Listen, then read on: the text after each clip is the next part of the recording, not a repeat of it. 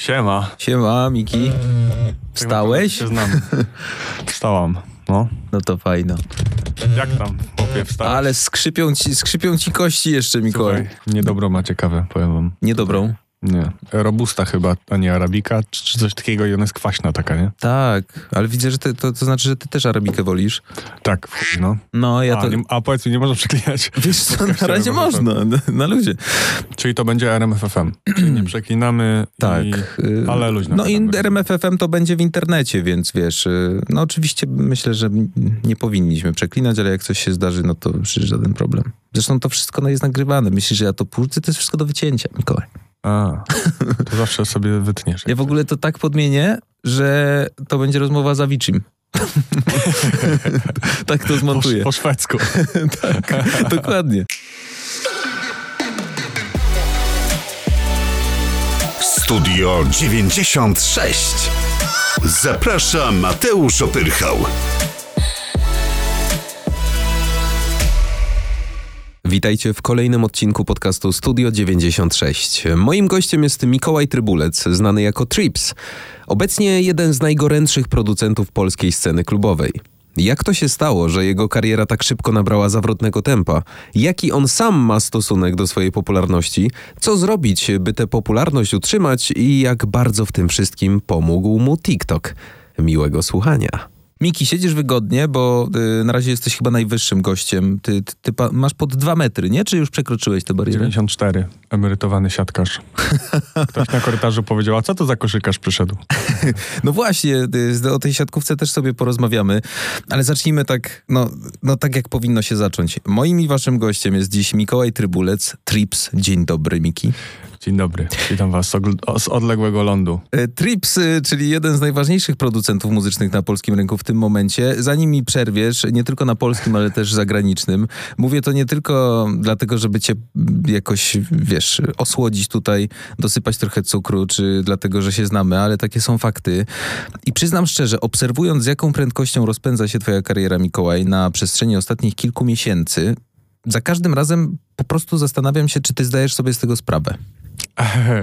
Yy, tak, ale yy, apetyt rośnie w miarę jedzenia. I właśnie zobaczyłem, że rok temu, yy, dzisiaj mi wyskoczyło na Facebooku, rok temu równo przemalowałem włosy na niebiesko w ogóle.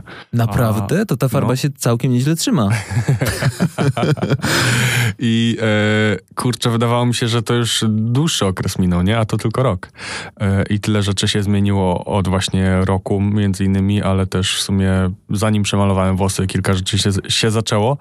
E, I no zdaję sobie sprawę, moje życie się totalnie e, odwróciło do góry nogami. E, no, między innymi to, że zagrałem teraz, można powiedzieć, że 50 koncertów od maja, końcówki. Bo Czekaj, pierwszym moim koncertem liczę. był pod Mhm. koniec maja, e, był e, Juvenalia, były krakowskie. W Krakowie to był mój pierwszy koncert i teraz 50 koncert zaraz dobijamy, więc to nawet to najbardziej chyba odczułem, nie? To ty przekroczysz statystykę no, pf, niejednego artysty disco polo. Będziesz za chwilę grał trzy koncerty dziennie. Nie ukrywam, że jedną z moich misji e, muzycznych jest em, zrobienie jakby muzyki tanecznej, która nie jest disco polo, bo właściwie jeśli po, powie się w Polsce muzyka taneczna, to wszyscy właściwie myślą od razu, że to jest disco polo, nie? E, jest wiele podejść do muzyki. Jedną z nich jest właśnie to, żeby stworzyć muzy- jakby robić muzykę, żeby tańczyć i chyba to jest taka w ogóle najbardziej pierwotna potrzeba muzyki. E, I ta muzyka w Polsce jest niezagospodarowanym e, obszarem według mnie i jest tylko disco polo i dlatego też ludzie w dużej części, zwłaszcza po kilku głębszych kielichach, e, tańczą do disco polo i jest to taki fenomen, bo moim zdaniem w Polsce po prostu nie ma innej alternatywy, nie? Albo jest alternatywa po prostu taka alternatywna muzyka polska, gdzie są głębokie teksty i jest to dużo akustycznych instrumentów, albo skrajne po prostu jakieś imprezowe kawałki, które nie mają nic do e, przekazania i są właśnie disco polowe e, najczęściej, więc e, uważam, że jest taka nisza, w którą chciałem właśnie wejść i też zrobić alternatywę dla disco polo i wydaje mi się, że to się udaje powoli robić i że mamy coraz więcej muzyki tanecznej, polskiej muzyki tanecznej, ale nie disco polo. Ja w ogóle mam wrażenie, że ty jesteś człowiekiem, który znalazł się w odpowiednim czasie, w odpowiednim miejscu. To znaczy, że chcesz trafić w kolejną niszę, bo w jedną już trafiłeś, czyli mm, nadawanie y, nowej energii starym utworom. O tym też sobie porozmawiamy, bo to jest ogromna część y, no, twojej artystycznej tutaj y, drogi. Mm, ale chciałem wrócić do tego, co powiedziałeś a propos pytania, czy zdajesz sobie sprawę mm, ze swojego sukcesu, bo mhm. nazwijmy to po imieniu i, i jakby spodziewałem się takiej odpowiedzi, bo ty jesteś niesamowicie skromnym człowiekiem, Mikołaj. Ty tak masz od urodzenia, czy ty po prostu ja tak dobrze grasz? nie, jakby, e, nie wiem, ja chyba nie jestem specjalnie chyba skromny, aczkolwiek wydaje mi się, że od dziecka miałem dużo wyobraźni i, i tak samo jak e, prowadzę samochód, to od razu myślę, że zaraz wy, wyląduję na płocie. Mhm. Tak samo jak lecę samolotem, to wiem, że to już jest mój ostatni lot. Tak samo jak wstaję rano, to myślę, że prawdopodobnie mógłbym dzisiaj potencjalnie umrzeć. Tak samo wydaje mi się, że y, każdy sukces y, może zaraz y, się jakby szybko skończyć i mogę się ja szybko skończyć, więc chyba dlatego, że zdaję sobie sprawę, jak bardzo kruche to jest wszystko i jak chwilowe i jak dużo trzeba, żeby to utrzymać i jak właściwie nie mamy nad tym kontroli. Wydaje mi się, że to sprawia, że mówię o tym z dużym dystansem i jakby właśnie nie, nie traktuję tego jako jakiś pewnik. To, że nie wiem, udało mi się napisać jedną piosenkę, która ma jakieś duże, duże liczby. Ostatnie miesiące, bardzo to cenię w tobie, ale też oczywiście w muzykach czy w ludziach, którzy ten sukces odnieśli, że trzymają rękę na pulsie, tak jak powiedziałeś. Jesteś cały czas świadom tego, co robisz i no i to jest mega, bo nie osiadłeś się na tych przysłowiowych laurach. Jest wiele tematów, Mikołaj, które, mm, o które chciałbym zahaczyć. Widujemy i słyszymy się ostatnio coraz częściej. No to jest mm. wynikiem właśnie rozpędzającej się kariery. W RMF-ie zawróciłeś w głowach słuchaczom swoje swoim kawałkiem Ghost, potem był, czy właśnie jest, bo się rozgrywa The Betta, czy podkręcony Bloodhound Gang. E, tutaj we współpracy z producentami Pelikan, tak? Bo to nie jest mhm. jeden człowiek. E, nie, nie, to jest trójka chłopaków. Równolegle, no bardzo głośno o tobie dzięki remixom e, i coverom. No tutaj też oczywiście wbiłem chyba kijek w mrowisko, bo to się czymś różni. O tym też mhm. sobie pogadamy. Mhm. No, tak naprawdę to jest chyba najważniejsza część teraz twojej twórczości. Y, takie przewrotne pytanie, czy zastanawiałem się nad tym, czy ty w ogóle masz czas, żeby być Mikołajem? To znaczy prywatnie? Mhm. Tak, tak, mam, mam czas. Chociaż, ale wiesz co, ja tak chyba mam od dziecka i od kiedy pamiętam, jak chodziłem do liceum, to właściwie y, mnie w tym liceum tak dużo nie było, w takim sensie, że od, odbębniałem lekcje, ale zawsze wiedziałem, że chcę robić muzykę y, i jak wracałem do domu, to też od razu ćwiczyłem na gitarze basowej, myślałem, myślałem o tym, y, co mogę zrobić, żeby się rozwinąć i byłem trochę takim no life'em w pewnym sensie, że, że, że ta pasja zawsze mną całe życie jakby, wiesz, otaczała i, i zawładnęła mną ta pasja i po prostu od zawsze, od kiedy pamiętam, no miałem takie troszkę obsesje na punkcie różnych rozwoju tych, y, tych, tych rzeczy, muzyki i tak dalej i marzyłem o tym, żeby żyć z muzyki i to się troszkę nie zmieniło w takim sensie, że no moja praca, moja praca jest moją pasją i tak w sumie zawsze o tym myślałem, e, więc więc każdą wolną chwilę najczęściej spędzam właśnie na tym, żeby, żeby e, robić muzykę, ale e, też, e, no nie, nie przesadzajmy, mam też życie prywatne i też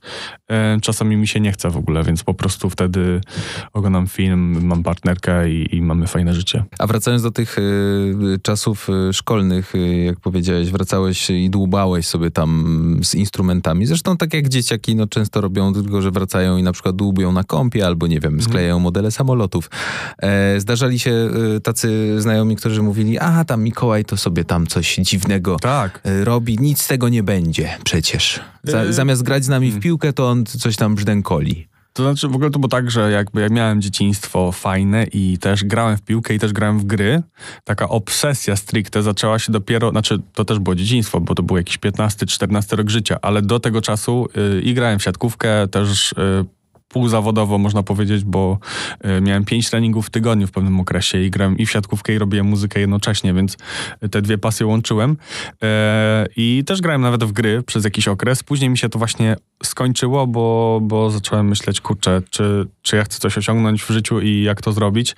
I zacząłem wtedy tak intensywnie grać e, na instrumentach, no tylko wtedy właśnie nie miałem takich perspektyw jak produkcja muzyczna, czy bycie gdzieś na scenie e, na pierwszym planie, bo byłem po prostu muzykiem sesyjnym i grałem na gitarze basowej, więc e, to był troszkę rozwój w inną stronę, ale mimo to było, byłem tym e, obsesyjnie zainteresowany. I jeśli dobrze pamiętam, to właściwie przez większość czasów szkolnych typu liceum na przykład to siedziałem na przerwach po prostu ze słuchawką w, w uchu i wszyscy wiedzieli, że jakby ja się rozwijam w kierunku muzyki i na osiemnastkach to byłem chyba czterech może najbliższych przyjaciół, więc jakby nie byłem nigdy takim królem melanżu, żebym imprezował bardzo długo, tylko raczej wszyscy wiedzieli, że, że rozwijam się w kierunku muzyki i często to też odbijało się na moich ocenach, ale nie zawsze. Zazwyczaj miałem podejście na zasadzie E, Panda 3, czyli że po prostu jeśli zdam, to jest super, nie? Na 18 byłeś 4, a teraz y, statystyka poszła w górę, w sensie zdarzyło cię grać na 18 już, czy nie? Nie, nie zdarzyło mi się, nie zdarzyło mi się jeszcze. Ale wziąłbyś taką fuchę? Y, za, w, pod kątem biznesowym na pewno nie. Jeśli miałbym wziąć taką fuchę, to tylko ze względu, że to może być po prostu coś śmiesznego, ciekawego, jakaś taka, na zasadzie takiej akcji, to być może kiedyś, ale też, y, no nie ukrywam, propozycji właśnie zagrania na urodzinach 18 jedenastkach, e, czy E, nawet zaproszenie na studniówkę ostatnio. O! jako prywatne w ogóle, nie żebym zagrał, tylko prywatne od, od, osób, to się zdarzają bardzo często, więc e, raczej musiało być to pojedyncze zdarzenie, jeśli chodzi o jakąś właśnie osiemnastkę i zagranie na osiemnastce. Myślę, że to fajne. Ja lubię być bezpośrednio z słuchaczami e, i, lubię takie bezpośrednie spotkania i, te akcje tego typu. Zresztą to przeniesione jest poniekąd z mojego starego proje znaczy projektu, który nadal istnieje z Mimi, e, Linia Nocna gdzie się też z Mateuszem poznaliśmy. No właśnie. Gdzie też, też lubiliśmy robić takie outdoorowe akcje i to, to cały czas jest fajne zahaczymy o linię nocną. Oczywiście pozdrawiamy Mimi, bo nie wiem, czy to jest ten czas. Właśnie możemy pomachać. tak, nie wiem, czy Mimi wstanie, ale w sumie to jest podcast, właściwie możesz sobie otworzyć. Tak, możesz sobie otworzyć w, w, o każdej porze dnia. Kto pierwszy zadzwonił, Mikołaj, jeśli chodzi o, o, ten, o ten okres bycia muzykiem sesyjnym, pamiętasz? Pierwszy raz e, koncert? grałeś, tak? Pierwszy koncert to był koncert bluesowy, jak miałem 14 lat w klubie Saturator w Warszawie i wtedy mój tata przyszedł na ten koncert i po tym koncercie w klubie, który był cały w graffiti i e, ludzie pili dużo alkoholu, a ja miałem tam 14 lat, powiedział, że no kurczę, może jednak siatkówka. Bezpieczniej będzie. tak, tak. tak. E, I no nie był zadowolony, jak kiedyś w końcu powiedziałem, że jednak muzyka. No i to był pierwszy koncert, a później e, jednym z takich pierwszych koncertów już takich powiedzmy profesjonalnych, no to między, to była Cleo na przykład, pamiętam, Sun and Grace było mm -hmm. na basie. E, a zawsze Natalia to był bas? była. E, mhm. Tak, zawsze to był wtedy bas w ogóle, bo jeszcze wtedy nie umiałem nawet grać na klawiszach. E, dopiero po drodze gdzieś tam się nauczyłem i w linii, no, linii nocnej już na klawiszach, a, a, ale od tamtego czasu to właśnie y, tylko bas był, później gitara i tam klawisze po, poniekąd gdzieś po drodze. Samouk, muzyk, teraz producent. Ja tak trochę no, celowo separuję te dwie rzeczy, muzyk i producent. Nie wiem, czy no, w świecie muzycznym zostałbym mm, zlinczowany, czy, czy, czy, właśnie warto podkreślić, że to jednak są dwie różne historie? To są dwie, dwie różne historie i producent często nie jest muzykiem. Bardzo dużo producentów poznałem, od kiedy produkuję, którzy w ogóle nie grają na na żadnym instrumencie i to też jest ok, bo można albo wynająć muzyka, który coś zagra, albo można gdzieś sobie poradzić jakimiś... E, można też nawet myszką na przykład wyklikać te dźwięki, które na pianinie e, mhm. ktoś by zagrał. E, ja mam to łatwość przez to, że właśnie jestem muzykiem, że, że mi to mniej zajmuje czasu, bo po prostu znam harmonię, znam teorię i jak chcę coś, jakieś piano, to sobie po prostu je zagram. Ale też, a muzyk za to też nie musi być producentem, czyli nie musi tworzyć komponować muzyki, tworzyć e, produkcję, tylko może na przykład skupić się na swoim instrumencie. Także ta różnica jest jak najbardziej do rozgraniczenia. A jeśli chcecie się podszkolić, to przypominam, że pierwsze filmiki na YouTubie Mikiego to właśnie były tutoriale, jak niektóre rzeczy tam wykręcić sobie na komputerze. To I to y, we własnym zakresie. Zmierzając, y, a raczej zostając w temacie producenta muzycznego Mikołaj, mam wrażenie, że żyjemy w czasach, kiedy na szczęście zaczyna się doceniać producentów. Trochę z opóźnieniem, bo, bo na zachodzie no, y, zostali zauważeni wcześniej, e, ale to nie jest tak, że producent tylko pokręci kilkoma pokrętłami, wciśnie parę guzików. To jest niesamowicie ciekawa i ciężka praca. Tak, to też y, wszystko zależy od tego, jakie sam producent ma podejście do swojej muzyki, bo y, można być producentem dla kogoś i robić muzykę czyjąś, albo właśnie y, którą gdzieś tam później otoczy swoją, y, swoim głosem jakiś wokalista czy raper, y, ale można też produkować muzykę jakby od początku artystycznie, mając koncepcję artystycznie dowodząc tym. Mhm. Y, I przez lata byłem producentem y, dla innych i po tych kilku latach stwierdziłem, że często kurczę na tych sesjach miałem wrażenie, że chyba bym lepiej zdecydował o niektórych rzeczach, a przez to, że byłem producentem dla innych, to, to musiałem się słuchać gdzieś tam i, i po prostu to się we mnie tak y, gdzieś y, wzburzyło w środku i, i y, mi był taki okres, gdzie powiedziałem, kurczę, no dobra, to zrobię jednak swoich kilka utworów i zobaczymy, co się, co się wydarzy.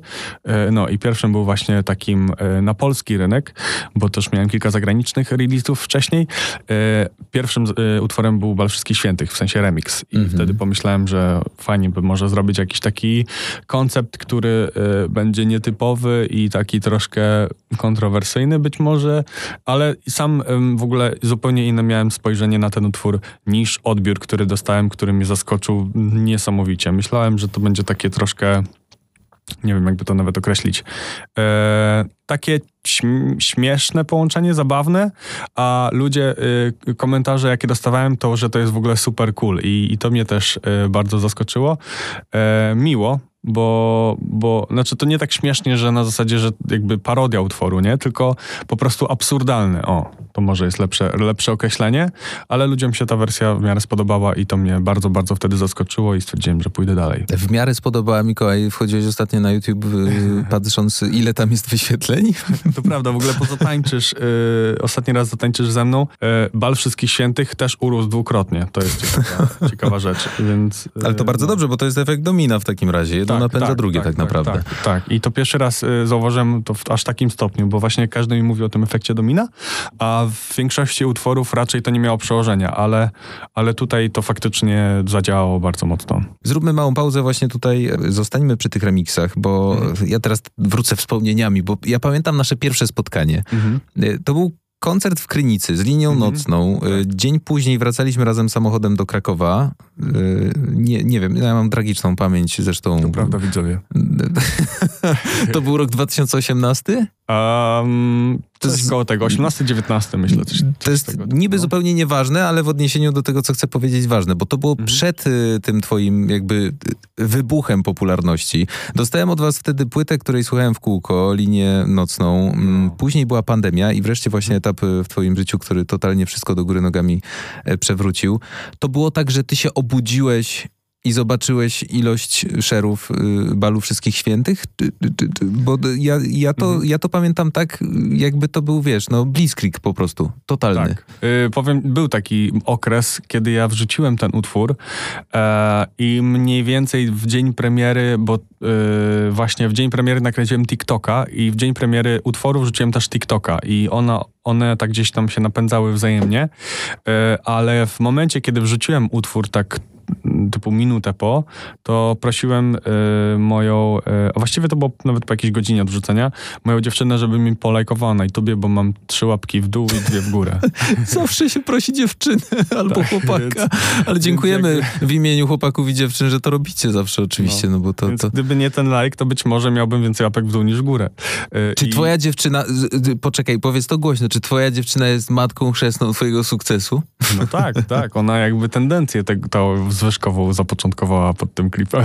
No, coś niewiarygodnego. tak, i e, miałem wtedy 350 subskrypcji na YouTubie ze względu właśnie na tutoriale, które tworzyłem dla mm. innych.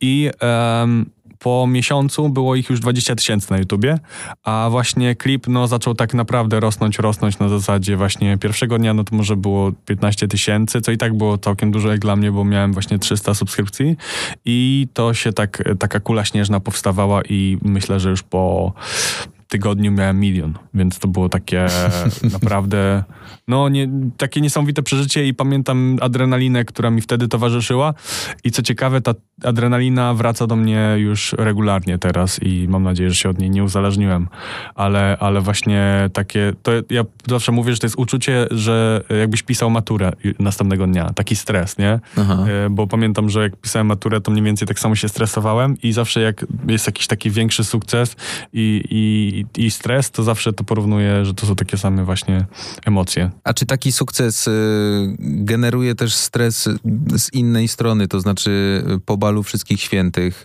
y, publikowanie kolejnych twoich remiksów, czy z Goją, czy, czy no Krawczyk to jest ewenement. Myślę, że to jest jakby brat bliźniak balu Wszystkich Świętych, bo też wyskoczył bardzo wysoko. Mhm. Natomiast y, z każdą kolejną publikacją masz coś takiego, że powiedzmy y, uzyska mniej tych wyświetleń niż bal, czy niż sobie zamierzyłeś i, i, i, jesteś trochę smutny i zawiedziony? Czy ta poprzeczka była zawieszona aż tak wysoko, y, że to generuje w tobie stres, czy, czy po prostu olewasz to? No bo, jak sam powiedziałeś, Bal Wszystkich Świętych był trochę na olewce. Tak.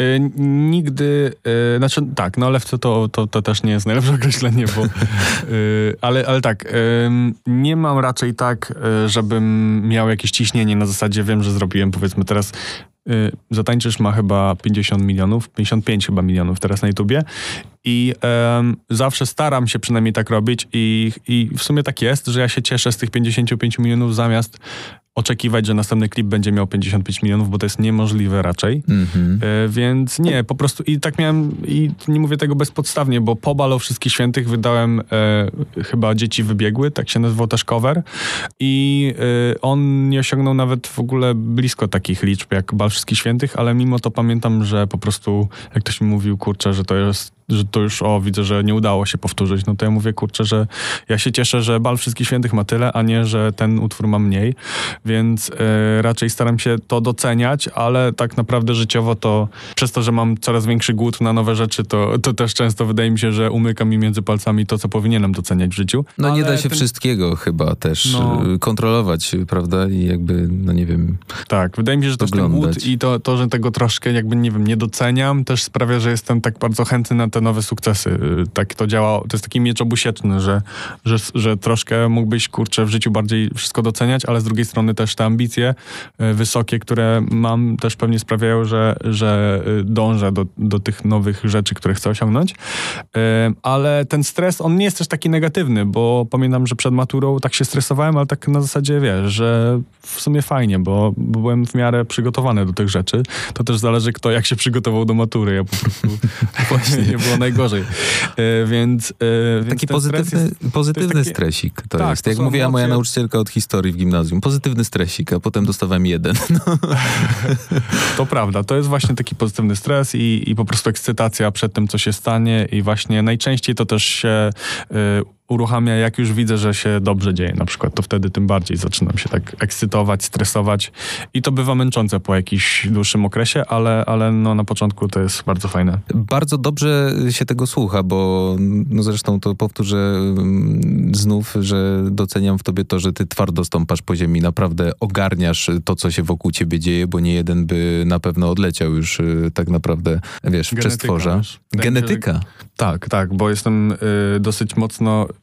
uwarunkowany, jeśli chodzi o na przykład y, emocjonalne doły, y, lęki egzystencjalne. To są takie rzeczy, które mi doskwierają od w sumie ósmego roku życia, więc zawsze y, byłem świadom swojej śmiertelności i kruchości życia i raczej staram się o tym nie myśleć i zapomnieć, y, bo to aż za często o tym myślę, więc wszystkie takie rzeczy, jak y, właśnie to, że jutro może być zupełnie inaczej, one, ja się codziennie z tą myślą budzę, więc, y, więc po prostu nie umiałbym inaczej, nie umiałbym tak odlecieć i nie myśleć totalnie o niczym i w sumie może bym nawet czasami chciał, ale, ale A ciężko. muzyka pomaga te myśli gdzieś odłożyć na bok, albo je trochę stłumić? Myślę, że tak. Na pewno właśnie skupienie się na pracy, jakaby to nie była, to zawsze jest e, metoda na to, żeby, żeby po prostu nie myśleć o, o tego typu rzeczach. W ogóle wymyśliłem sobie takie porównanie. Oczywiście y, może być głupkowate, ale mam nadzieję, że dobrze go odbierzesz. Mam wrażenie, że to, co się dzieje z twoją karierą ostatnio, e, przepraszam za to porównanie, ale ma być totalnym komplementem. Już się boję. Wygląda tak, jakby w pewnym momencie ktoś dał ci klucze do sklepu z zabawkami i zmienił godziny otwarcia na całodobowy. Wiesz? I zamknął cię tam w środku. Natomiast ty, ty bardzo dobrze te zabawki dobierasz i, i nie psujesz wszystkich od razu, jak słyszymy, bo czuwasz nad tym, żeby, żeby do tego sklepu e, no, też nikt nieproszony nie wszedł i jakby nie ściągnął cię na złą drogę albo... Tak, a powiem ci, że mam już, mam już nawet nowe, nowe zabawki yy, i, yy, i nowe pomysły. I one są tak samo mnie ekscytują, jak te, jak, te, jak te, które miałem. Czyli nie jest tak, żebym miał jedną zabawkę, pobawił się trzy miesiące i, i, e, i szukał nowej, tylko, e, tylko mam cały czas nowe pomysły na, na e, utwory i chyba mam jeden taki całkiem mocny który jeszcze nie było ani muzycznie, ani e, właśnie kierunkowo, też zupełnie inny, a i mega absurdalny i, i, nie mogę się doczekać, aż go będę mógł dokończyć. Mam nadzieję, że autorzy się zgodzą na wypuszczenie tego. Ja bardzo lubię ten błysk wokół zawsze gości, którzy mówią tak bardzo zdawkowo o czymś, co będzie, tak, bo no wiedzą, tak. że nie mogą za dużo powiedzieć, ale też nie chcą zapeszać. Tak, dokładnie. Więc to budzi jeszcze, jeszcze większą ciekawość wśród odbiorców. Chciałbym teraz znaczy stworzyć taką wirtualną wagę, żebyśmy wrzucili na jedną szalę mm, twój sukces z remixami, który no, rozsiał się bardzo szeroko w sieci, ale też no przecież w niektórych stacjach radiowych. Twoje dokonania właśnie producenckie w związku z odświeżaniem starych numerów, a na drugą szalę rzuciłbym wszystko, co się dzieje poza granicami naszego kraju, bo mhm kto o tym nie wie, trzeba to powiedzieć głośno, że Mikołaj Trybulec również y, współpracuje z zagranicznymi artystami. No, no chciałbym tutaj też na tą szalę wrzucić przede wszystkim raczej e, dokonania eurowizyjne. To znaczy mhm. Duncan Lawrence, tak? Tak. Christian Ochman, tak. Ostatnia Eurowizja, ty też dokładałeś mhm. do tego y, trochę siebie. I jak to jest, kiedy 25-letni wtedy, bo to było rok temu mhm. chyba, y, chłopak oglądając Eurowizję z rodziną czy ze znajomymi, no nie tyle kibicuje Krystianowi, co ma z tyłu głowy fakt, że kurczę, ta piosenka jest trochę moja. Co to są, wiesz, jakie to są emocje? E, no muszę przyznać, że Krystian to był czwarty już utwór na Eurowizję i teraz już mam tak, że każdy utwór po prostu tylko mam nadzieję, że zajdzie coraz wyżej. No, my też taką nadzieję mamy. Często mam tak, że kurczę, e, napisałem tyle tych utworów, a żaden jeszcze nie wygrał. Ale nie możesz tak myśleć, Mikołaj, no. Nie, no oczywiście. Są e, coraz wyżej, tak naprawdę. No. Który był Krystian? 14 czy 12? Właśnie, no właśnie. Jedna z, jedna z piosenek to w ogóle e, była napisana w roku pandemii, kiedy Eurowizja została odwołana. Aha. Więc nie mieliśmy szans, szansy nawet sprawdzić. E, nie pamiętam do końca, który był Krystian 13 chyba? Nie pamiętam. Tak mi się wydaje. Znaczy strzałby między 12 no, a 14, ale nie... Tak, tak, tak, coś takiego. Ale y, tak, właśnie y, zawsze chciałbym, chciałem wygrać Eurowizję. Ale wszystko przed tobą. No, właśnie. Dlatego czekam już i się jaram, żeby, wiesz, nowe, nowe losy wrzucić do, do puli. A są już jakieś zalążki, w sensie jakieś współpracy, czy nie możesz powiedzieć? Yy, ogólnie to wygląda tak, że jakby w dużej mierze mój management ogarnia te y, możliwości eurowizyjne. Mhm. Y, w tym roku nie pojechałem do Szwajcarii, tak jak robiłem to przez, osta przez ostatnie dwa lata, y, żeby napisać utwory pod szwajcarską Eurowizję, y, bo próbowałem właśnie od dwóch lat. Nie udało się do tej pory, chociaż jeden z tych utworów y, wylądował w Austrii, więc to też jest bardzo skomplikowane. Okay. W każdym razie przez to, że tyle się dzieje też solowo, u mnie to nie mam aż tyle czasu, żeby, żeby się nad tym skupić, ale mam bardzo dużo utworów w puli e, które można by wykorzystać, więc te utwory też często gdzieś tam mailami są przesyłane do różnych osób i ktoś może się zainteresuje, wiesz, i wybierze taki utwór na przykład właśnie, żeby reprezentował dany kraj, więc nie wiadomo na tą chwilę, nie mam nic potwierdzonego, e, więc, więc, więc nie wiem. I często to też właśnie, nawet tak jak w przypadku Krystiana, e, my ten utwór napisaliśmy w jeden wieczór, bo po prostu te zgłoszenia były y, jakby deadline zgłoszeń był do chyba następnego dnia, nie? I ja dzień przed deadline'em spotkaliśmy się z Krystianem i napisaliśmy tamten utwór, więc... Ale to jest prawda, Mikołaj, w sensie te, te, te powiedzenie, że w jeden wieczór, bo na przykład ja często słyszę coś takiego. Ostatnio mhm. chyba, y, tak, rozmawiałem z Sigalą i on mi mówił, że, że z Davidem Getą też napisali ostatni numer w jeden wieczór i zawsze mhm. się zastanawiam, czy to jest faktycznie jeden wieczór i jak to jest możliwe, wiesz, no bo napisanie tak. numeru to nie jest y, powiedzmy no tam 3,5 mhm. minuty. No tak, to chodzi o to, że najczęściej y, utwory i tak są pisane w jeden dzień. W takim sensie, że proces kompozycji i takiej wstępnej produkcji, która powiedzmy, nie wiem, y, jakby cały utwór w 85% jest napisany powiedzmy w jeden wieczór, mhm. a ostatnie 15% to są często elementy, które, albo w jeden dzień, nie w jeden wieczór, może być też dzień. E, ostatnie 15% to są takie rzeczy, które y, losowy słuchacz by nawet nie usłyszał różnicy, wiesz, mix, mastering, ostateczne okay. wokale, jakieś, wiesz. E, ale na przykład w przypadku Krystiana to było tak, że gdzieś na pianie i skrawku bitu napisaliśmy e, właśnie River i później ten utwór produkowany był przez Atutowego, nie przeze mnie, więc jakby e, mhm. moja rola się skończyła na tamtym wieczorze i tamtego wieczoru powstał cały tekst i melodia, a mhm. później produkcją zajął się Atutowy e, i, i ja już ta, od tamtego etapu nie, nie, nie, nie, nie, nie było mnie tam, więc dlatego mówię, że jeden wieczór, bo, bo wszystko, co e, musiałem zrobić, to zrobiłem w tamten wieczór, nie? Okej, okay. E, a czy sprawa ma się, no zapewne zapewne ma się trochę inaczej y, w przypadku twoich remixów. Ile, ile trwa właśnie, jak od strony producenckiej wygląda mm, zrobienie, no powiedzmy takiego balu wszystkich świętych, czy, czy numeru z Kubańczykiem? Mhm. To jest właśnie... Y też właśnie a propos tego jednego wieczora, to można łatwo zobaczyć y, u mnie w przypadku utworu Smak Słów, mhm. bo y, ten TikTok pierwszy ze Smakiem Słów, który jest na TikToku, y, to jest efekt nie wiem, dwóch godzin powiedzmy pracy, a, a ten fragment jest chyba fragmentem, który właśnie najczęściej jest kojarzony z tym utworem, więc y, to powstało bardzo szybko i kiedy wrzuciłem ten TikTok, y, to patrząc na reakcję ludzi, musiałem go dokończyć mega szybko i miałem na to gdzieś tam dwa tygodnie, żeby czy zbudować tym... zwrotkę i całe, wszystkie elementy i też poprosić Magdę o zgodę, żeby, żeby nagrała nowe wokale i tak dalej, i tak dalej.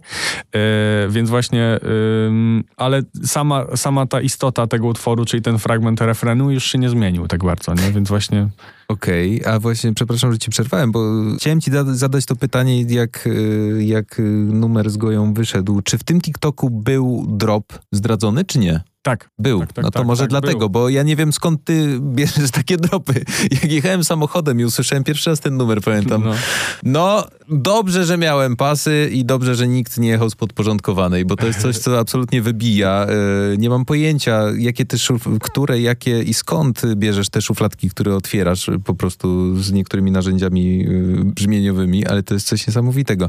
I chyba nie będę pierwszy, kiedy powiem, że, że smak słów jest jednym z moich moich ulubionych twoich remixów. Nie, będzie, nie będziesz pierwszy. No właśnie, jest coś w nim magicznego, jest coś ciekawego. Być może tak. ten drop. Yy, tak, na pewno jest zupełnie inny, a też yy, hmm, bo to, to yy, pamiętam, że ostatnio miałem podcast też zresztą, w którym właśnie y, dwójka osób przeprowadzających wywiad y, również powiedziała o tym, że Smaksów jest ich ulubiony. No proszę. I, y, i właśnie to nie jest nic dla mnie dziwnego. Zresztą wydaje mi się, że tu się sprowadza właśnie ta cała konwersacja do podejścia do muzyki, właśnie do czego, dla kogo piszesz muzykę, y, po co piszesz muzykę i jakie wartości, jakby, jakie rzeczy są najważniejsze. Czy to jest tekst, czy to jest y, produkcja i czy chcesz pisać dla przepraszam, że teraz powiem, dla krytyków muzycznych, dla branży, a robiłem mhm. muzykę, która była doceniania przez prawie wszystkich, znaczy naprawdę większość muzyków, bardzo dużą część branży, czyli właśnie Linia Nocna, to jest projekt, gdzie y, niejednokrotnie podchodził do nas realizator dźwięku, czy świetlik, czy muzyk i mówi, mówi że jakie to jest super, nie? I, i to, to jest super i bardzo się z tego cieszyłem, y, tylko, tylko ona miała małe liczby, nie? Więc właśnie Smaksów być może jest utworem, remixem, który jest napisany, który jest bardzo ambitny, ale jednak na YouTubie ma 3 miliony. A no rzeczywiście mało, Mikołaj. Projekt Trips. no wiesz, a projekt Trips był stworzony dla jakby dla ludzi, którzy nie zajmują się muzyką, nie słuchają, jakby może słuchają na co dzień, ale nie są, wiesz, w tej branży, tylko chciałem dla dużej liczby, dla większości polskiej pisać utwory.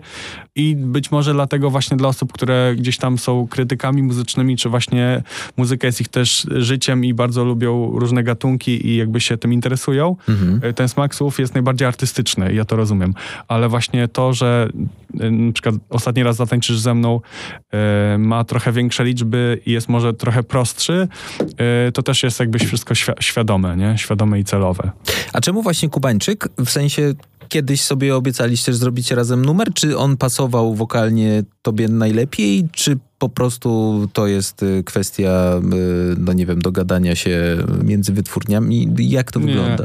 Ogólnie to po prostu pamiętam, że wtedy pracowaliśmy razem po prostu nad muzyką, y, mhm. jego też i w tym okresie dużo działaliśmy razem. Ja mu to puściłem na jednej z sesji i on tak powiedział, że jakby w sensie ustaliliśmy, że on może się dograć I w sumie wszystko wyszło w ostatniej chwili, bo już nie chciałem go męczyć trochę. Pomyślałem sobie, że E, że może to nie jest fajna rzecz dla rapera, czy, ale on okazało się, że jest bardzo otwarty i, i że totalnie to czuje, wiesz, bo no, to mhm. też nie za bardzo można przeklinać w tego typu utworze, bo to jednak jest gdzieś tam historia i też trzeba się bardzo mocno wpasować i nie każdemu by to pasowało, ale Kubańczyk myślę, że odnalazł, odnalazł się bardzo dobrze w tym utworze, a też jest fanem muzyki typu właśnie Krzysztof Krawczyk czy Lady Punk, czy starsze utwory, więc wiedział o co chodzi i właściwie bez słowa y, to to, powstało w sensie bez jakichś dużych dyskusji. On to zrobił za pierwszym razem, od razu to nagraliśmy i właściwie dwa tygodnie potem już ten utwór hulał w sieci.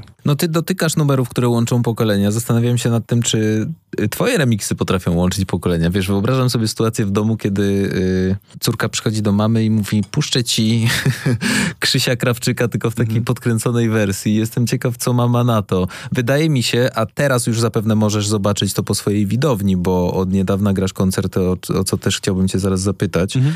Zdarza się, że, y, że przychodzą ludzie, których wiek nie kończy się na 20 lat, 20 tak. latach, tylko ci Wiesz starsi to, również? Tak.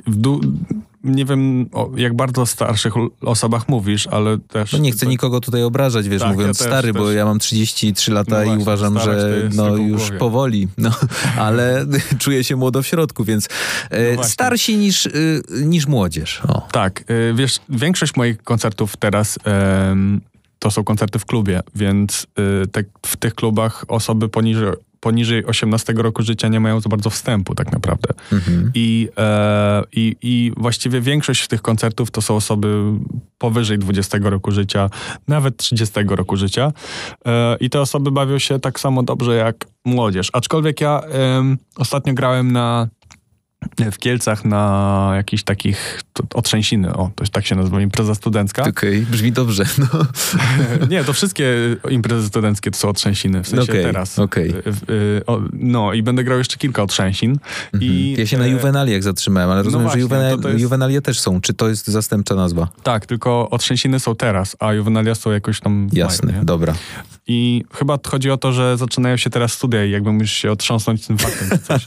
no, I przydałoby może, się. Może to, może to jest to. E, I powiem ci, że, że bardzo lubię grać e, dla właśnie studentów. E, najbardziej lubię grać dla studentów, bo myślę, że mamy podobne muzyczne takie preferencje gusta i gust. I, I po prostu mam dużo fajnych remixów nowoczesnych z właśnie rapowymi kawałkami, czy rzeczami z TikToka, więc właśnie najlepiej mi się gra z nimi, bo mamy to same spojrzenie na muzykę. Nie? A jak ci się podoba w ogóle granie koncertów? Bo też pamiętam ten moment przed wakacjami, kiedy wrzuciłeś pierwszą rozpiskę koncertową. Strasznie się jarałeś tym, bo to jest coś nowego wciąż dla ciebie, ale to jest coś, co urozmaicasz, bo śledząc cię gdzieś tam na TikToku czy, czy w twoich relacjach, no to widać, że te koncerty są coraz barwniejsze. Czy po prostu przychodząc na twój koncert, co oczywiście wszystkim słuchaczom polecamy. Mhm. Co jest najfajniejszego, bo, bo rozumiem, że, że też e, niezłymi otrzęsinami było wyjście ze strefy komfortu, czyli ze, z wygodnego studia, bo raczej mhm. dotychczas miałeś pracę siedzącą, a teraz musisz no czasem poskakać. Tak, skakać lubię ogólnie i same koncerty są super. Problemem moim są okresy przed koncertami, bo ja się dosyć mocno stresuję takimi rzeczami. Okej. Okay. E, I, I chyba dlatego studio jest jednak moim numerem jeden, gdzie czuję się najlepiej, e, ale koncerty też bardzo lubię ze względu na spotkania z, e, z osobami, które mnie słuchają i najbardziej to ja w ogóle y, chyba lubię momenty po koncertach. Czyli jak już się koncert skończy, już wiem, że wszystko jest było ok mhm. i teraz mogę porobić sobie foty, pogadać z ludźmi. To bardzo, bardzo lubię. I no, i chciałem tylko powiedzieć, że po prostu i tak będę fanem chyba raczej pracy w studio, a koncerty nie jestem stworzony aż tak do koncertów jak niektórzy. Na przykład Smolasty mówi, że on po prostu od kilku lat nie wyobraża sobie weekendu bez koncertu, nie? A ja sobie wyobrażam i w październiku będzie mój ostatni koncert w tym roku. Także jeśli ktoś ma ochotę, to zapraszam do końca października na moje koncerty, bo od listopada robię sobie przerwę od koncertów, żeby skupić się na pracy w studio i pewnie wrócę gdzieś dopiero wiosną. Także, także też... Ym, to, co pewnie w tych koncertach jest takiego y, dla mnie y, ciężkiego, jest to, że dużo energii się na to zużywa i dużo mniej czasu masz na robienie muzyki w studio. I to jest fajne, bo czujesz się, że to jest jakby nagroda za to, co zrobiłeś w studio i właśnie zbieranie owoców tego, ale właśnie chciał już następne i chcę już, kurczę, kolejne numery wydawać i chcę robić nowe rzeczy i dlatego po prostu mam coś takiego, że, że praca w studio to jest niby ten cięższy okres niż, e, niż granie koncertów, ale jednak ja się bardzo jaram tym robieniem muzyki, więc, więc e, bardzo chętnie robię nowe nowe rzeczy. Czyli uwaga, Trips last minute, y, spieszymy się, żeby zobaczyć Tripsa, bo potem się zaszyje w studiu. Swoją drogą, Mateuszu. Tak, słucham. W ten weekend gram w Koko w Krakowie więc musisz paść. Zawsze chciałem iść do Koko, ale, ale się bałem. A no widzisz, to teraz masz powód, żeby się nie bać. Bardzo dziękuję za zaproszenie. A o której godzinie? Bo ty, tobie się zdarza grać o jakiejś drugiej w nocy. O drugiej nie. O drugiej już nie. Okay. Kiedyś grałem raz, zagrałem koncert o drugiej 30 i powiedziałem, że to nie ma sensu żadnego, bo to już jest Aha. godzina, gdzie ludzie naprawdę no, albo są bardzo pijani, albo już zmęczeni. Mhm. Więc e, najpóźniej gram o pierwszej w nocy, ale... No rzeczywiście wcześniej. Mhm. no to prawda, ja sobie w ogóle, zanim nie grałem koncertów klubowych, to w ogóle sobie nie wyobrażam, jak to, jak to jest w ogóle możliwe, nie?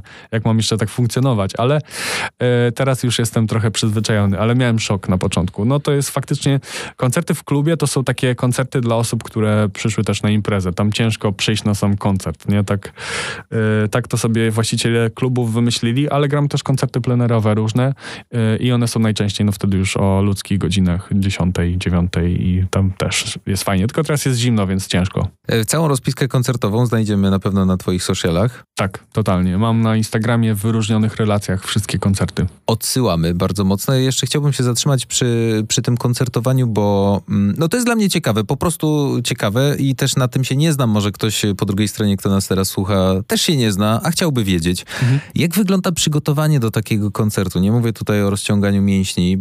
Mówię tutaj o tym, że często no, mówi się o DJ-ach, którzy przyjeżdżają na koncert, że no, tam przyjechał z saszetką, nerką czy plecaczkiem, bo w sumie to potrzebny mu jest tylko pendrive. Mhm. A, a przecież to jest nieprawda, bo, bo założę się, że no, tych godzin przygotowań jest trochę przed. Tak, ja najbardziej e, ten okres przygotowań wspominam e, w maju, to był taki naj, naj, najdłuższy, ponieważ przygotowałem całego seta od początku do końca, y, gdzie on y, w większości to są moje autorskie remiksy. większość utworów, jakie gram na koncertach, to są moje autorskie y, mashupy czasami, czyli właśnie okay. mieszanka.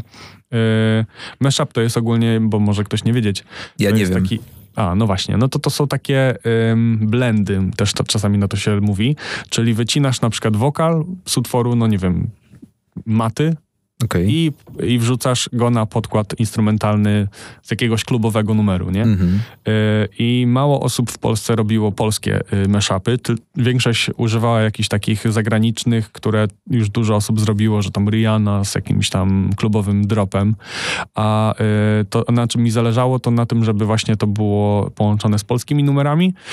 Więc porobiłem sobie kilkanaście takich właśnie mashupów, czyli właśnie brałem polskie wokale i wrzucałem na klubowe bity, więc ludzie śpiewają na koncertach, ale też się bawią i mogą tańczyć.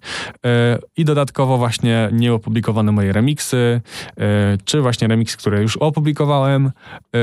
I czasami też trochę gadam, więc y, to jest taki set, ale pamiętam, że, y, że dużo było przygotowań w maju i teraz y, też patrząc na to, że na przykład, no nie wiem, na TikToku dużym viralem był utwór Góry do Góry, który produkowałem, to sobie zrobiłem też mashup z tym utworem i w miarę też pojawiania się nowych rzeczy też update'uję tę setlistę, tylko to, to już są pojedyncze ruchy, a, ale, ten, ale w maju to było dużo pracy, żeby, żeby to przygotować faktycznie. A pojawia się też utwór, który zrobiłeś w 2017 na płycie dla dzieci, dobrze kojarzę? To jest właśnie ten, to jest ten Góry do Góry. Góry do Góry, no tak. właśnie. Tak. Jaki jest odbiór tego numeru y, na koncercie? No, y, niesamowity, przyznam. Właśnie jeśli ktoś ma TikToka, zawsze zanim puszczam ten utwór, pytam, ile osób na sali ma TikToka, nie? Bo, bo wtedy dopiero będę wiedział, czy, czy... Y, bo właśnie to, o to też chodzi, że każdy koncert to jest też inna publika i w tych klubach często są osoby, które nie mają też TikToka i okay. jak widzę, że tak kurczę, gram jeden numer, no nie wiem, White'a 2115 i jest średnia reakcja, no to już wiem, że pewnie nie będą znali góry do góry. E, mhm. I tak sobie właśnie numerami e, gdzieś tam analizuję publikę, patrzę na co reagują, na co nie. E, I, I tak też decyduję repertuarze, bo mam dużo rzeczy, które gram, które nie gram, w zależności czy chcą potańczyć, czy wolą pośpiewać. Też to, to, jest, to jest bardzo ciekawe doświadczenie, te koncerty. No, ale Góry do Góry jest y, najczęściej właśnie znane przez ludzi i oni to śpiewają i ja to jeszcze gram w takim mashupie, że na, na koniec najczęściej to gram, bo to jest taki utwór, który ma już taki drop naprawdę rave'owo, y, taki festiwalowy, więc, więc to już jest na taką dobitkę przed końcem. Jeszcze lepszy niż w Goi. No wiesz, taki dużo szybszy na pewno, bo Goja to ma wolne tempo wbrew pozorom, a to jest takie po prostu naskakanie non-stop, nie? TikTok, który tutaj padł, to jest y, no, dobre narzędzie dla ciebie jako muzyka, ale artysty. Pomaga w karierze producenta również? To, TikTok to jest y, platforma, która właściwie tą karierę mi można powiedzieć zrobiła poniekąd w Polsce zwłaszcza, bo y, no, to jest najlepsza platforma do promocji muzyki w tych czasach. No tak niewinnie I... zadałem to pytanie specjalnie, bo spodziewałem się odpowiedzi. no, także y, polecam każdemu artyście zrobić TikToka. Y, no ja też opisałem to na, w poście na Instagramie, że właśnie to jest, e, że, że, po prostu róbcie TikToka i nie słuchajcie ludzi, którzy mówią, że to jest, wiesz, to jest B. Jakby nikt chyba już w tych czasach nie kwestionuje tego, że to jest naprawdę najlepsza e, platforma, żeby dotrzeć do nowych ludzi e, właściwie z nowego konta. Jakby wiesz, wystarczy dobry pomysł, dobre utwory i promocja jakby tutaj sama, sama następuje. Tylko trzeba po prostu robić gdzieś tam ciekawe dla ludzi rzeczy. Ale nawet jeśli wydają nam się nieciekawe, to po prostu robić i próbować. Tak, tak. Najlepiej w ogóle, no wiesz, też to jest fajny test, bo też przez to, że spędza się wiele godzin robiąc muzykę, to już się traci dystans, nie? -hmm. Wrzucając coś na TikToka można sobie też jakby przeanalizować i sprawdzić po prostu, czy ten mo może pomysł jest ciekawy, czy to jednak nie jest ciekawe i wrzucać wszystko i okazuje, okazać się może, że ten nieciekawy pomysł y, będzie viralem. I miałem tak też y, właśnie z jednym z mashupów, który wrzuciłem na TikToka. Było to wtedy Lady Punk Zawsze Tam, Gdzie Ty, y, połączony z Faruko Pepas. To był wtedy taki hit tego lata. Okay.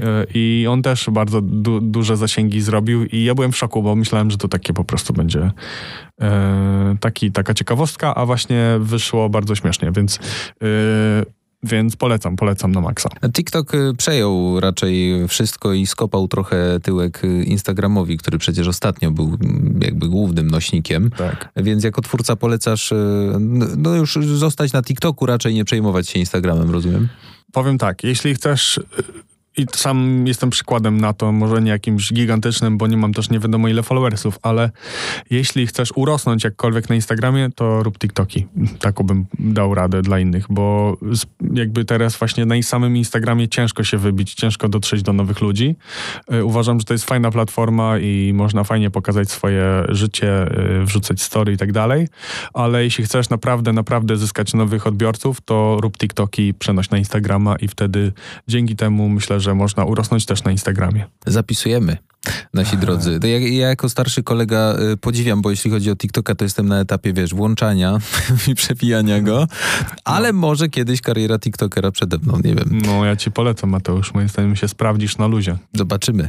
Zobaczymy. Jeszcze świat nie jest na to gotowy chyba. Y, y, pomyślałem nad takim pytaniem, ale wyprzedziłeś mnie, bo, bo to już padło na samym początku.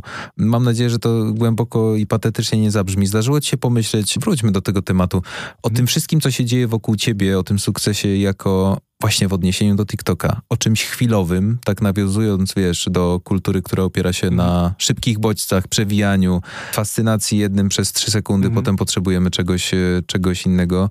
Czy jesteś w stanie przewidzieć przyszłość? No wiesz, jak, jak możesz się zabezpieczyć przed tym, że, że ten e, sukces możesz szybciej niż ci się wydaje przeminąć? E, patrząc historycznie na tego typu zdarzenia, wydaje mi się, yes. że tak długo jak jesteś zapewnić jak jesteś w stanie zapewnić e, utwory gdzieś, które się wybiją, czyli właśnie popularne, czy, czy na TikToku, czy nawet w radio, to wydaje mi się, że e, jesteś w stanie gdzieś żyć. I dlatego też tak bardzo lubię siedzieć w studio, bo, e, bo chcę wiedzieć, że mam już kolejne utwory, które też, też się raczej sprawdzą. I patrząc właśnie na, na osoby, które przestały istnieć, tych artystów, których podziwialiśmy 15 lat temu, a teraz już właściwie nie słyszymy o nich za często i właśnie mówimy, że ich czas przeminął, to najczęściej powodem tego był brak hitów nie? Y, i brak utworów, które dostanie, dostaną się do radia, więc yy, i w ogóle zdobędą popularność, więc wydaje mi się, że to jest, to jest ten klucz, żeby po prostu cały czas robić hity i póki uda ci się je zrobić, to, to myślę, że, że nikt o tobie nie zapomni. Nie? Wiesz, trochę łatwo powiedzieć, cały czas robić hity. To prawda, to prawda. Aczkolwiek też ostatnio o tym myślałem i o tyle ta sprawa dla mnie jest troszkę łatwiejsza niż na przykład dla większości raperów, y, to to, że y, gdzieś tam raperzy w, jakimś tam wieku, mam wrażenie, szybciej, jakby przez to, że oni śpiewają tak bardzo o swoich przeżyciach takich i, i właśnie to wszystko polega na byciu młodym, cool, imprezować i tak dalej i jakby to jest zawsze taka młodzieżowa muzyka, e, to często mam wrażenie, że ciężko im się odnaleźć e, w późniejszym okresie życia mhm. raperom, e, a w przypadku właśnie DJ czy muzyki popularnej to no nawet mamy przykład w większości DJ-ów w Polsce nawet, czy Tiesto, czy to jest, czy, czy David Guetta, to oni mają już grubo po 50, a cały czas robią hity i cały czas są popularni, więc um, wydaje mi się, że o tyle mam tutaj łatw, łatwiej, nie? że, że, że te, jeśli te hity będą, to mam nadzieję, że będzie dobrze, ale zobaczymy. Ci, którzy zaczynają, mają odrobinę trudniej, ale to, o czym powiedziałeś, y, no może nie od razu robić hity, ale po prostu robić. Co byś powiedział młodym ludziom, bo no ty, kto jak nie ty może być dla nich wzorem, e, nawet tym w podobnym wieku y, co ty. Młodym, którzy chcieliby nauczyć się produkcji muzycznej, ale na przykład uważają, że to jest coś, wiesz, enigmatycznego, co wymaga nauczyciela, pieniędzy ogromnych wydanych na kursy. Ty jesteś no, zupełnym zaprzeczeniem, bo nauczyłeś się wszystkiego sam. Mhm. E, oddam ci głos. Co byś im mhm. powiedział? E, powiedziałbym na pewno, mógłbym trochę opowiedzieć o tym, jak ja się nauczyłem rzeczy i te wspomnienia. Ja właściwie, ja w ogóle bardzo lubię się uczyć nowych rzeczy cały czas. Teraz, teraz staram się nauczyć śpiewać. Więc yy, właściwie. A jaki repertuar teraz y, na warsztat yy, wziąłeś? Panu zaprezentuje yy, Jacek Mezo, yy, Sakrum. Chciałbyś teraz zaśpiewać? Sakrum. No, także, yy, także na razie... Pięknie, tak. nawet w, w dźwięku. Więc yy, jestem na tym samym etapie i wiem, jakie to jest kurde ciężkie. Nauczenie się czegokolwiek od zera, to zawsze jest ciężkie i początki mm. są zawsze najcięższe. I pamiętam, jak patrzyłem na ten program do robienia muzyki, po prostu co to jest za czarna magia, po prostu do czego jest ten guzik i jeszcze jest 15 tych i w ogóle nie wiadomo, nie? E, także pierwsza rzecz to na pewno póki sprawia ci to radość, sama nauka i w ogóle siedzenie w tym, to jest dobrze. To na pewno jest zawsze do dzisiaj dla mnie wyznacznik najważniejszy, czyli po prostu, żeby to sprawiało mi przyjemność. I jeśli będzie ci to sprawiało przyjemność, to będziesz to robił bez oczekiwań, nie? I, i to jest mm. na pewno klucz największy. I potem tak, właśnie jeśli chodzi o, o trudność e, w, e, w robieniu muzyki, wszystko czego nie wiesz, czyli na przykład jak dodać ścieżkę audio, albo jak nagrać wokal, albo jak zmiksować, albo jak zmasterować, albo jak zrobić brzmienie piana, albo cokolwiek. Wszystko y, trzeba wygooglować. Trzeba dobrze się posługiwać narzędziem google.pl, które nie jest do końca trudne, bo wystarczy po prostu napisać jak zmiksować piano w Logicu na przykład, czyli programie do muzyki, czy Abletonie, czyli moim programie i jak wpiszesz to w Google, to dostaniesz 15 artykułów czy 15 filmików na YouTubie y, na ten temat i, i ja tak się nauczyłem produkcji muzyki. Po prostu wszystkiego, czego nie wiedziałem i czego chciałem się dowiedzieć, wygooglowałem. A trzecia, ostatnia rzecz, yy, to no naprawdę jest tych rzeczy w internecie bardzo dużo. I ja nawet tak pierwsza z brzegu rzecz, która mi dosyć mocno pomogła, był darmowy kurs z coursera.org. Courser.org, ok. Co, ur, y, co Ursera co Ursera, tak Aha. pisze, .org. No i tam są darmowe kursy y, i to osób, które y, jakby to jest firmowane szkołą Berkeley na przykład, nie? E, w Bostonie, czyli najpopularniejszej szkoły muzycznej na świecie. To prawda. I tam y, robiłem kurs, chyba to był jakiś tam intro, Introduction to Music Production, czy coś takiego. Mhm. I one są darmowe y, i możesz ten kurs przejść i tam dużo nauczyłem się na temat E, syntezy dźwięku, czyli jak zbudowana jest fala dźwiękowa, jak e, zbudowany jest syntezator, jak później do czego służą filtry, do czego służy LFO, do czego służą efekty w tych syntezatorach i wszystkie te techniczne rzeczy. Więc nie, nie, nie, nie bójcie się też używać kursów online i tak dalej. Te rzeczy są często bezpłatne. Ja nigdy nie zapłaciłem za kurs online, ale właśnie filmiki na YouTubie, y, kanały posubskrybujcie i tak dalej i, i po prostu no, tylko 8 lat i będzie dobrze. Nie, żartuję. Tak naprawdę w dwa lata można się nauczyć bardzo dużo. Dwa lata, to brzmi dobrze. Tak, tak. Dwa lata, jeśli to ci sprawia przyjemność, to to minie, wiesz. O tak. Pytajcie, szukajcie yy, i bądźcie przyjaciółmi yy, wujka Google'a. Yy, trips, zmierzając do końca, bo obiecałem, że zapytam, kiedy linia mhm. nocna wraca? Linia nocna planowana jest na listopad i w tym właśnie okresie nie wyjdzie nowy utwór, tylko zaczniemy go pisać. Mamy bardzo fajny pomysł na dalszą część i kontynuację projektu.